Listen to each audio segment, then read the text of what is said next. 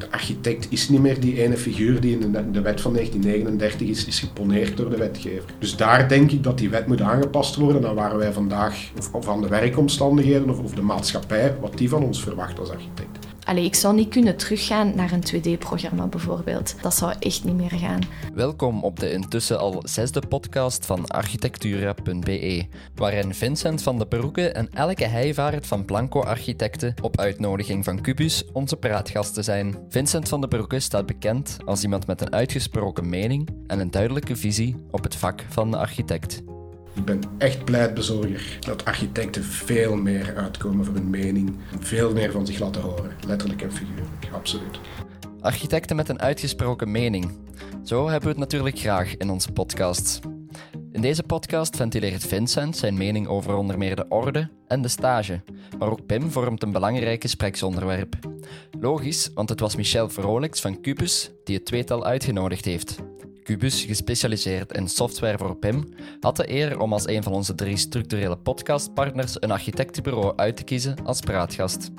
Michel Vrolijks van Cubus legt uit waarom haar keuze viel op Vincent en Elke van Blanco. Uh, ik denk dat ze wel een uh, mooie referentie zijn voor ons om hun te laten vertellen over hun ervaring met BIM en zeker ook in die particuliere woningbouw. Omdat vaak die architecten denken van BIM is niet voor ons weggelegd of 3D alleszins niet. Ik denk dat dat voor ons een hele mooie kans is om hun daarover te laten spreken. Het interview werd afgenomen door Rick Neven, zaakvoerder van architectura.be. Nieuwsgierig als hij is, vraagt hij Vincent van den Broeke meteen om een mysterie op te helderen. Maar dat blijkt vergeefse moeite te zijn. Zelfs zijn collega Elke laat Vincent op haar honger zitten. Vincent, ik heb mijn huiswerk gedaan voor je naar hier kwam. Ik heb nog eens naar uw LinkedIn-profiel gekeken en daar was iets dat mij direct opviel. Je op twee nieuwe verhalen. Ja. Welke twee nieuwe verhalen zit je aan het broeden? Het is te prematuur om daar al iets over te zeggen. Ja. Eén ehm, is, is echt architectuur en beroepsgerelateerd en ander zal een beetje een zijspoor zijn. Dat nog altijd wel aansluiting vindt met, met ons beroep, maar dat niet meer de, de echte core van de architect is. En wanneer mogen we daar meer over weten? Um, ik vermoed dat tegen het einde van het jaar zal zijn. Ik ben benieuwd. Maar... Ja, ik ook. Voor een architect is het allesbehalve evident om uit het hele portfolio één favoriet project te kiezen. Het zijn tenslotte allemaal hun kinderen.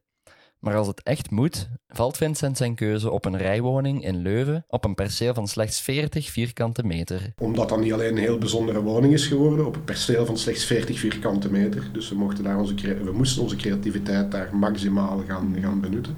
Maar ook omdat het op stedenbouwkundig vlak zo een uitdaging was en, en een gevecht met de stad Leuven. En, en dat is natuurlijk allee, zonder frictie geen glans. Um, en dat maakt zo'n projecten op het einde van de rit natuurlijk heel mooi. Mm. En dat is voor mij toch wel eens, niet alleen het resultaat, maar ook het, het traject. Mm.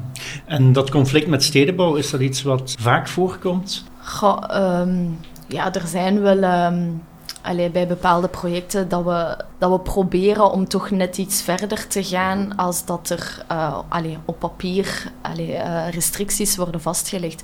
Dus dat is wel, uh, dat is wel een feit. Inderdaad. Is stedenbouw soms te streng, vind je? Ja, het is dan, allee, dan hebben we het vooral over, denk ik, zo de, de iets moeilijkere projecten, zoals de, de rijwoningen en mm -hmm. dit en dat. Um, ja, op dat vlak kan het wel zijn dat er bepaalde maatregelen zijn die... Allee, die we een beetje uh, ja, niet, niet echt uh, niet, niet nodig zijn, laten we het zo zeggen. Ja. Mm -hmm. ja.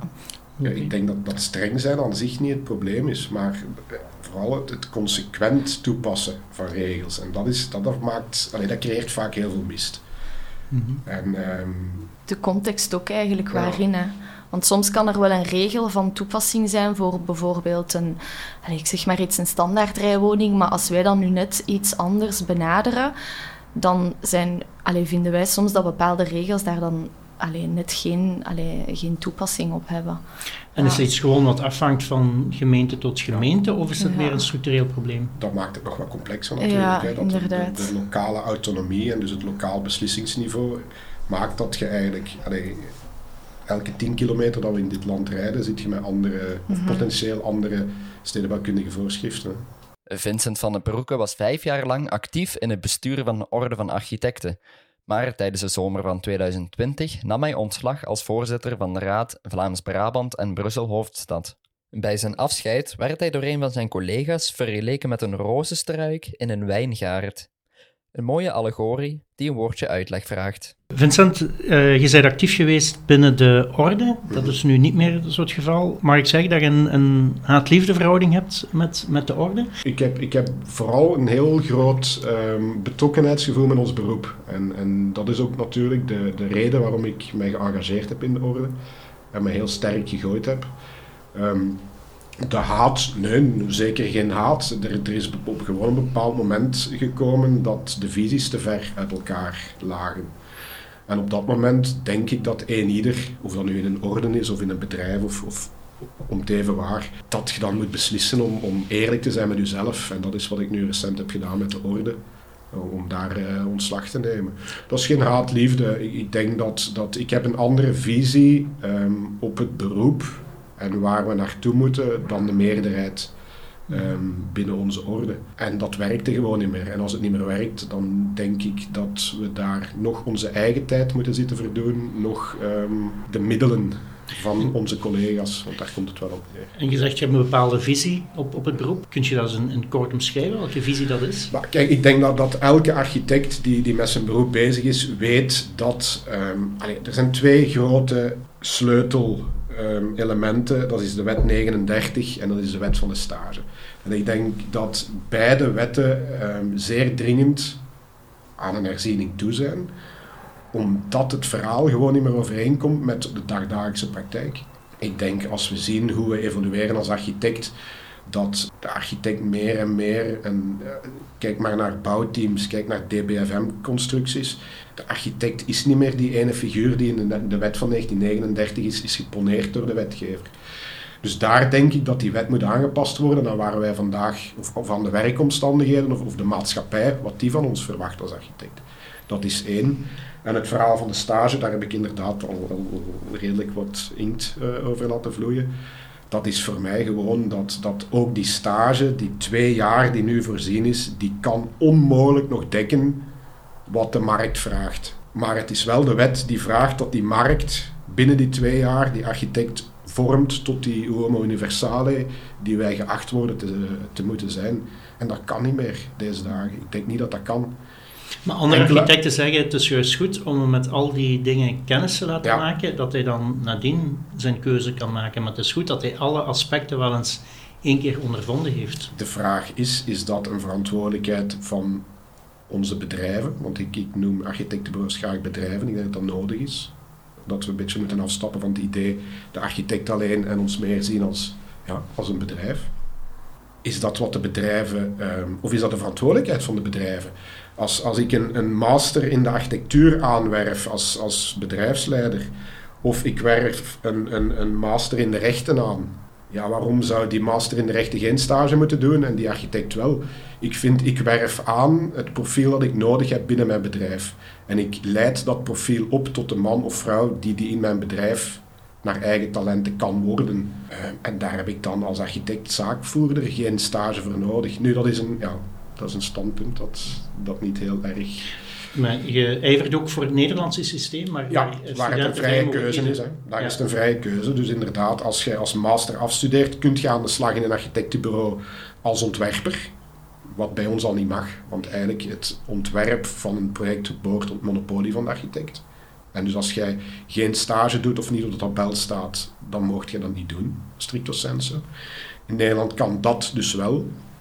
En als jij zegt, kijk, ik heb de ambitie om alsnog architect te worden, die, die titel te dragen en mijn handtekening te zetten en verantwoordelijkheid te nemen, dan ga je in een tweejarig um, parcours. En ik vind dat alleen al die vrije keuze, want we moeten niet verwachten, en dat is geen waardeoordeel, maar dat elke afgestudeerde master de ambitie heeft om zelf uh, het warm water te gaan uit te vinden. Hè. Ik denk niet dat, dat dat zo is in de realiteit, nog zo hoeft te zijn. Dus waarom dan die mensen in een, in een parcours dwingen dat eigenlijk niet meer aangepast is aan de realiteit? Elke Heijvaart heeft haar stage niet gelopen bij Blanco, waar ze nu werkt, maar bij een ander bureau. Zij had zich haar stage alleszins anders voorgesteld toen ze eraan begon. Om eerlijk te zijn, ik weet niet wat ik dat mag zeggen, maar ik vond daar niet zo heel veel stage, allez, stage aan. Dat is, dat is gewoon meedraaien met het bureau. En, en eigenlijk zijt je vanaf dag één, ja, loopt je gewoon mee, zoals, zoals de andere architecten. Oké, ja, je staat, wel, je staat wel eerst en vooral de eerste maanden een, een andere architect erbij. Maar... Ehm, ja, voor de rest is dat gewoon ja, meedraaien. En word je dan eigenlijk ingeschakeld als goedkope werkkracht? Ja. Ja. ja. dat bevestigt eigenlijk dat die stage eigenlijk een soort ja, een filmpje is dat daarover gelegd wordt en in de praktijk. Ik denk dat in Nederland ook meer gefocust wordt om dat tijdens de opleiding al meer eh, te zien, om meer in de praktijk te komen. Er zijn studenten die, die stage kunnen gaan doen of tijdens, een opleiding. En dat lijkt me inderdaad beter om zoiets erin te gaan integreren in plaats van puur theoretisch en dan pas na, ja, na je studies die praktijk. Ja, want ook de stage, allez, ze zeggen wel van dus je moet twee jaar stage volgen en um, je kunt zes maanden daarvan iets, iets eerder technischer doen of zes maanden in het buitenland. Maar er zijn er gewoon heel veel die in een architectenbureau toekomen dat eerste jaar. En ja, als jij daar goed zit, allee, dan, dan blijf je daar gewoon twee, drie, vier jaar. En tot als je door hebt van, ah ja, eigenlijk, ik heb nog niks anders geproefd.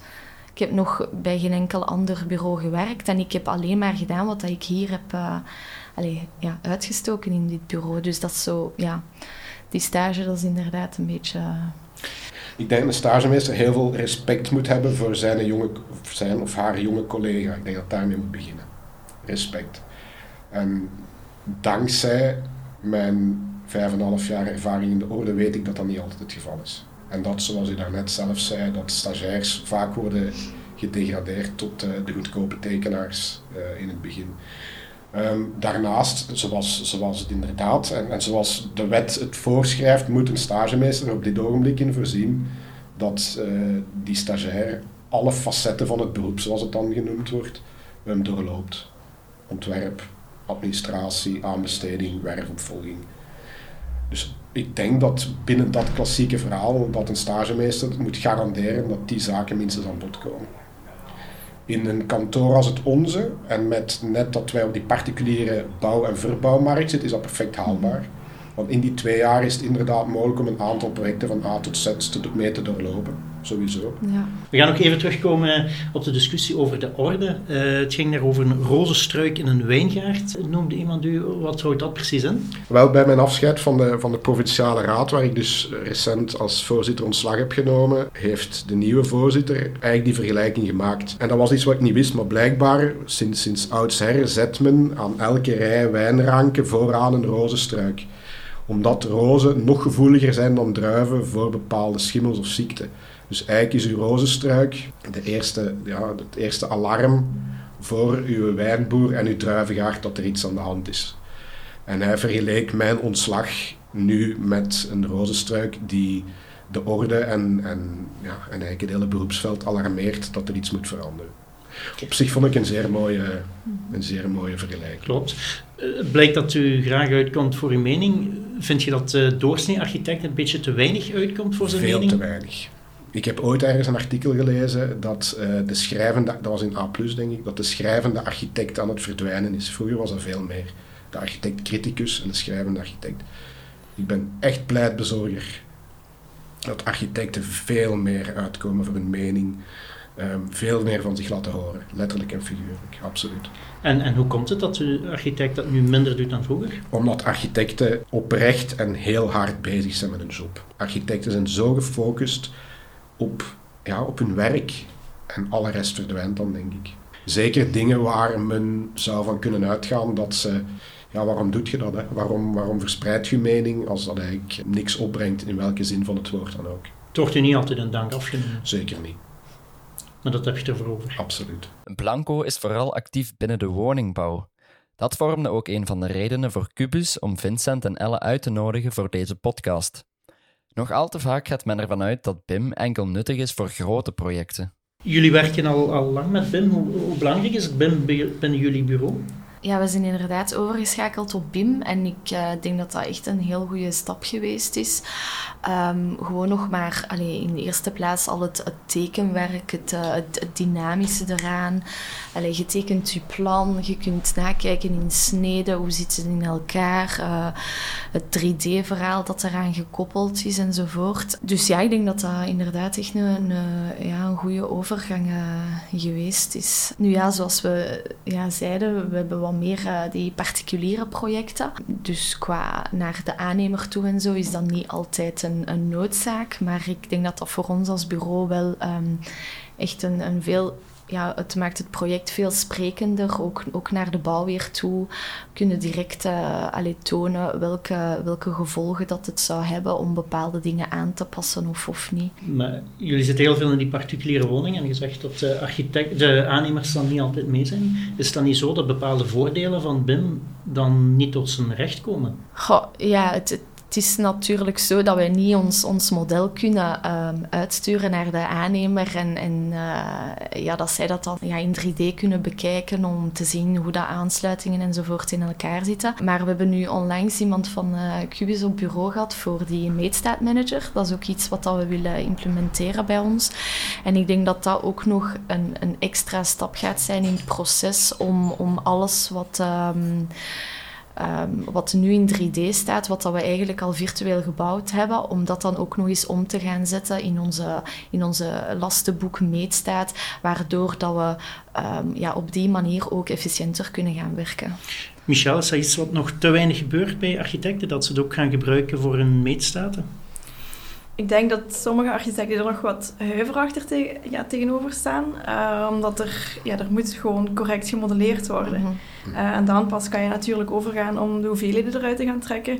Maar ik denk, ja, ook al ga je met de hand berekenen, dan kunnen er ook foutjes in sluipen. Dus ja, ja. ja je moet toch een goed BIM of een goed 3D-model gaan opbouwen. Dus dan lijkt me dat vanzelfsprekend dat je daar ook hoeveelheden kan gaan uithalen. Dus dat is gewoon nog een knop, denk ik, die veel architecten moeten omdraaien. Vincent, hoe pakken jullie het aan? Is er één BIM-specialist binnen het bureau of zijn jullie allemaal BIM-specialisten? Ik denk niet dat er één iemand de titel draagt van BIM-manager of, of wat dan ook. Maar um, het is niet voor niks dat we elke keer vandaag ook gevraagd hebben om mee aanwezig te zijn. Omdat zij toch degene is op kantoor die die, die kar wat meer getrokken heeft dan de rest. En die nu ook op kantoor een beetje die, die, die sleutelrol speelt, absoluut. Dus ik denk dat je op kantoor wel iemand moet hebben die zich één er wat die zich wat meer voor interesseert en die bereid is om die kar wat mee te trekken, want daarzonder gaat het inderdaad niet lukken. Maar iedereen gebruikt het wel, iedereen tekent nu of modelleert um, in plaats van te tekenen, dus dat sowieso. Stond iedereen daarvoor open van de collega's om, om met BIM te werken, of waren er ook sommigen die uh, toch wat... Uh, nee, ik denk dat iedereen daar wel... Stonden? Ik denk dat iedereen daar wel voor open stond, maar het is gewoon ja, die, die overstap maken. Hè. Dat is een beetje van het vertrouwde naar ja, terug iets nieuws en ja, dat ze zoeken hè, in de eerste plaats. En hoe hebben jullie dat aangepakt? Ik, uh, ja, we zijn daar eigenlijk gewoon uh, vanaf dat we een, uh, een nieuw project hadden. Uh, we zijn eerst begonnen vooral met de nieuwbouwprojecten, omdat we dan eigenlijk van, van scratch konden beginnen. en dan is stilletjes aan, die, die renovatieprojecten daar, daar, zijn daar ook in, in geslopen, omdat ja, dat is dan een andere werking, want je moet dan eerst je bestaande toestand uittekenen. Dan moeten we gaan kijken welk wordt er afgebroken, wat wordt er nieuw bijgezet. Dus dat was al zo de tweede stap eigenlijk. Ja, en ik denk dat we nu alle projecten gewoon opstarten in, uh, in Archicad. Welke dus, systemen gebruiken jullie allemaal? Wij, wij gebruiken nu eigenlijk eh, de, ja, de, de Cubus, uh, allee, de, het Archicad gewoon. Um, en ja, we gaan dan nu overschakelen naar die, uh, die meetstaatmanager ook nog eens extra extra. Maar voor de rest, uh, het is niet dat we daar al enorm alleen verder, verder ingaan. Ook gewoon omdat we de vraag niet hebben van aannemers uh, om andere modellen of, of andere manieren uh, ja, aan te leveren. En waar, waarom hebben jullie voor Archicad gekozen? Omdat ik in mijn eerste jaar stage dus 21 jaar geleden. toen al een architect, dat was Paul Leenaerts in Linter, die was daar toen al mee bezig. En uh, ja, ik, ik, heb toen een jaar op Archicad gewerkt. Uh, toen ben ik van kantoor veranderd en toen was dat niet meer het geval. En nu, ja, hoe lang? Vier, vijf jaar geleden zeker, kwam die noodzaak van kijk, we gaan daar toch moeten op investeren om mee te zijn op het moment dat, dat het echt nodig is. En dat was natuurlijk omdat ik die ervaring van toen had, was dat het eerste wat, uh, wat naar boven kwam. En, en vandaar. Het is natuurlijk niet altijd koekenij bij uh, BIM. Wat zijn jullie grootste ergernissen bij het BIMmen? Goh, ik denk onze, onze grootste ergernis. In het begin is het echt zoeken en zijn het de aansluitingen van muren, van, van ja, de, de daken en zo, of bepaalde dingen dat we in het begin niet, niet, ja, niet konden tekenen, omdat we nog niet wisten hoe pakken we dat aan. Zeker dan bij bijvoorbeeld uh, bestaande toestanden met mansardaken en al die, al die speciale ja, dingetjes. Nu is het ja, vooral ook het, het allemaal um, overbrengen naar, naar al de collega's toe, zorgen dat ja, iedereen op dezelfde manier tekent. Michel, kunt je daarin terugvinden, in die ergernissen? Ja, dat zijn zeker in het begin ja, de, de eerste foutjes of zo die naar boven komen natuurlijk. Hè. En dan, dat evolueert ook, je groeit daarin mhm. en je leert bij. Dus dat je, op den duur weet je ook hoe je bepaalde situaties moet gaan aanpakken. Dus ik kan me daar inderdaad al in vinden. Mhm. Ehm, maar dat groeit er wel uit. En hoe meer het gevorderd, hoe meer dat er ja, complexere problemen zullen optreden. Ik denk dat dat altijd wel gebeurt. Um, maar ook daar is altijd wel een oplossing voor te vinden. Ja. Vincent, was voor u de, de belangrijkste reden om, om een architect aan te moedigen om ook met, op BIM over te schakelen? Nou, ik denk dat het um, ja, het is, het is van deze tijd. Hè. We moeten. Hè. Ik, ik, denk, en, en het is wel interessant wat er net gezegd werd. Het ideale scenario zou zijn dat wij inderdaad ons model, of ons, ons virtueel model, overhandigen aan de aannemer, aan de inschrijver, zonder dat wij nog meetstaten of lastenboeken moeten maken. Dat alle informatie zit in dat model. Dus dat heel het verhaal van aparte aanbestedingen en, en, en documenten, nee, dat is allemaal niet meer nodig. Je levert een model over. Mhm. Ik denk dat we daar naartoe gaan. Hè. Dus dat, dat niet alleen meetstaten eraan gekoppeld zijn, maar dat als jij je model raadpleegt, dat ook alle lastenboekbeschrijvingen eraan hangen. Ik denk dat we daar naartoe gaan, of alleszins moeten gaan. In die particuliere bouwmarkt daarentegen is dat nog een hele moeilijke, omdat ja, die aannemers zijn ook niet de grote aannemers die daar mensen voor hebben. Dus wij, wij werken nog heel vaak met, met kleine familiale bedrijven en daar zal dat nog niet voor de eerste zoveel jaren zijn. Dus dat is nog een moeilijke. Maar het feit dat wij moeten evolueren naar een, naar een, een virtueel model van, van, van het gebouw, van het ontwerp, absoluut. Ehm, ik denk dat daar geen twijfel over bestaat dat we moeten evolueren. De snelheid en, en de, de graad waarin zal heel veel afhangen van het type projecten en dat is eigen aan elk kantoor natuurlijk. Toch is er nog altijd ongeveer de helft van de architecten die BIM niet toepast. Uh, verbaast u dat? Nee, ik denk het niet. Ik denk als, als een, een bureau vertrouwd is met een bepaald tekenprogramma uh, en er zijn geen noden of geen vraag inderdaad van, van aannemers of van, van derden, uh, ja, dat daar gewoon in wordt uh, verder getekend. Ja. Michel, wat, wat weerhoudt volgens u bepaalde architecten om die overschakeling te maken op BIM? Ja, dus zoals Elke zegt, ik denk inderdaad um, dat ze de noodzaak niet zien of niet weten wat het voordeel voor hun kan zijn. Ook als kleiner kantoor bijvoorbeeld, dat ze denken, voor mij heeft dat geen nut om, om naar 3D te gaan. Um, en dan ja, het kost ja, hoe dan ook altijd wel tijd om, om u in te werken in een nieuwe software. Dus ik denk dat daar ook wel architecten ja, schrik voor hebben soms om die stap te wagen. Dat is altijd, je hebt het over tijd, dat is altijd een discussie. Wint je tijd met BIM of uh, verlies je juist tijd om het allemaal met BIM te doen? Ik denk dat dat een van de frustraties is die ik zou willen, allez, die ik had toegevoegd aan, aan, aan uh, die van Elke van daarnet, is van, um, zeker als zaakvoerder, als je, dan moet het op het einde van de maand je rekeningen kloppen. Als je dan ziet hoeveel tijd er nodig is om te inputten, zeker in het begin, die wint je nadien wel uit. Maar in het begin zie je daar zoveel tijd in kruipen en zie je het project eigenlijk veel minder snel opstarten dan als je gewoon 2D mocht tekenen. Hè. Dus ik denk dat dat zeker een van de drempels ook kan zijn om met BIM te gaan. Er is zoveel meer input nodig. Ja. En dat kan zeker ik denk wel dat je daar voorzichtig mee moet omschieten. Ook dat je niet u erin ja, laat, ja, in verliest. Dat je in een schetsontwerp of een voorontwerp ja. daar al massa's informatie in zit te steken die mhm. in een latere fase toch nog kan wijzigen. Dus ik zou, ja, dat is een beetje van hoe je daarmee omgaat. En, en mhm. daar moet je gewoon echt zelf dus stapje per stapje. Ja, ja. dat evolueert. Uw project evolueert met u mee eigenlijk hè, in de fases. Dus ja. de informatie die eraan vasthangt dus ook. Een ander discussiepunt als het over BIM gaat, is het uh, financiële aspect. Is BIM iets waardoor je geld kunt besparen of is BIM iets dat u vooral geld zal kosten? Ik denk op termijn, en als iedereen het maximaal beheerst, gaat het tijdbesparend zijn. Maar het traject dat je moet doen om tot dat punt te geraken is wel een intensief project. Ja, inderdaad. Een heel intensief traject. Je moet niet alleen overschakelen van softwarepakket, het is ook anders denken. Want ik denk dat het ook een impact gaat hebben op het onderwijs. Ik denk dat het ook een heel, allez, nog een heel interessant gegeven is. Je moet anders gaan denken. Bijvoorbeeld bij, bij verbouwingen of, of uitbreidingen. U, u, de input van uw bestaand gebouw 2D is dat heel snel gedaan. In 3D kost het wat meer tijd, waar je eigenlijk niet veel meer rendement uit gaat halen op het einde. Dus het is, het een heel... Allez, ik denk dat elk kantoor daar voor zijn eigen een beetje een zoektocht gaat moeten maken van wat werkt voor ons, wat werkt niet voor ons. We hebben bijvoorbeeld heel lang onze kleinere verbouwingsprojecten wel 2D blijven doen, omdat wij nog niet voldoende snelheid hadden ontwikkeld in, in, het, in het hele BIM-verhaal. Nu is dat achter de rug. Maar dat is, dat is een groeiproces. Hè. Ja. Eigenlijk, als jullie een, tip zouden mogen geven aan een ander architectenbureau dat start met BIM, welke tip zou dat zijn? Ik denk ehm, ja, alle, alles met de tijd. Allee, uh, starten met uh, ja, bijvoorbeeld uh, de iets eenvoudigere. Ja, in mijn ogen is dat dan nieuwbouwprojecten, um, omdat dat effectief van, van nul, nul start. Um, en ja, project per project en daarin groeien gewoon.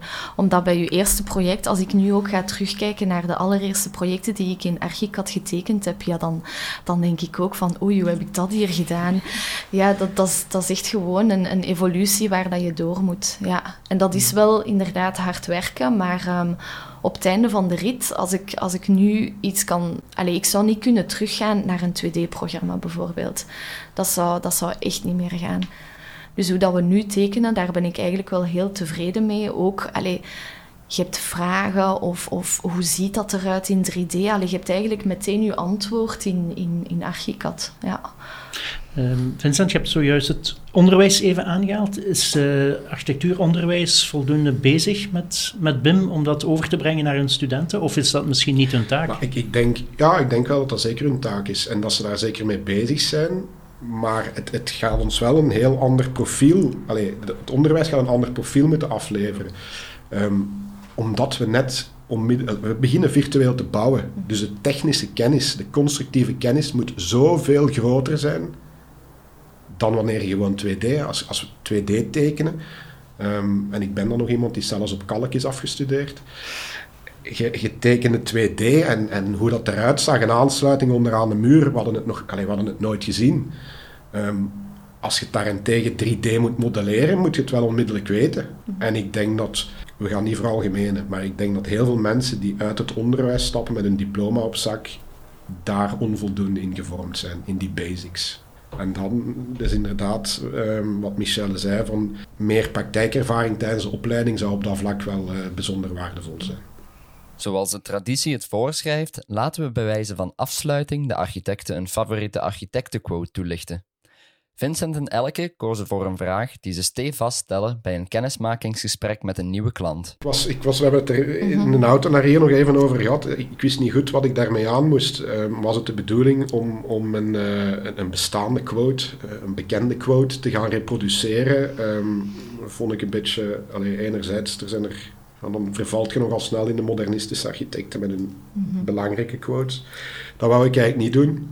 Ik zei dus, wat, kunnen wij iets distilleren uit onze dagdagelijkse praktijk, wat we hier neerleggen als, als quote?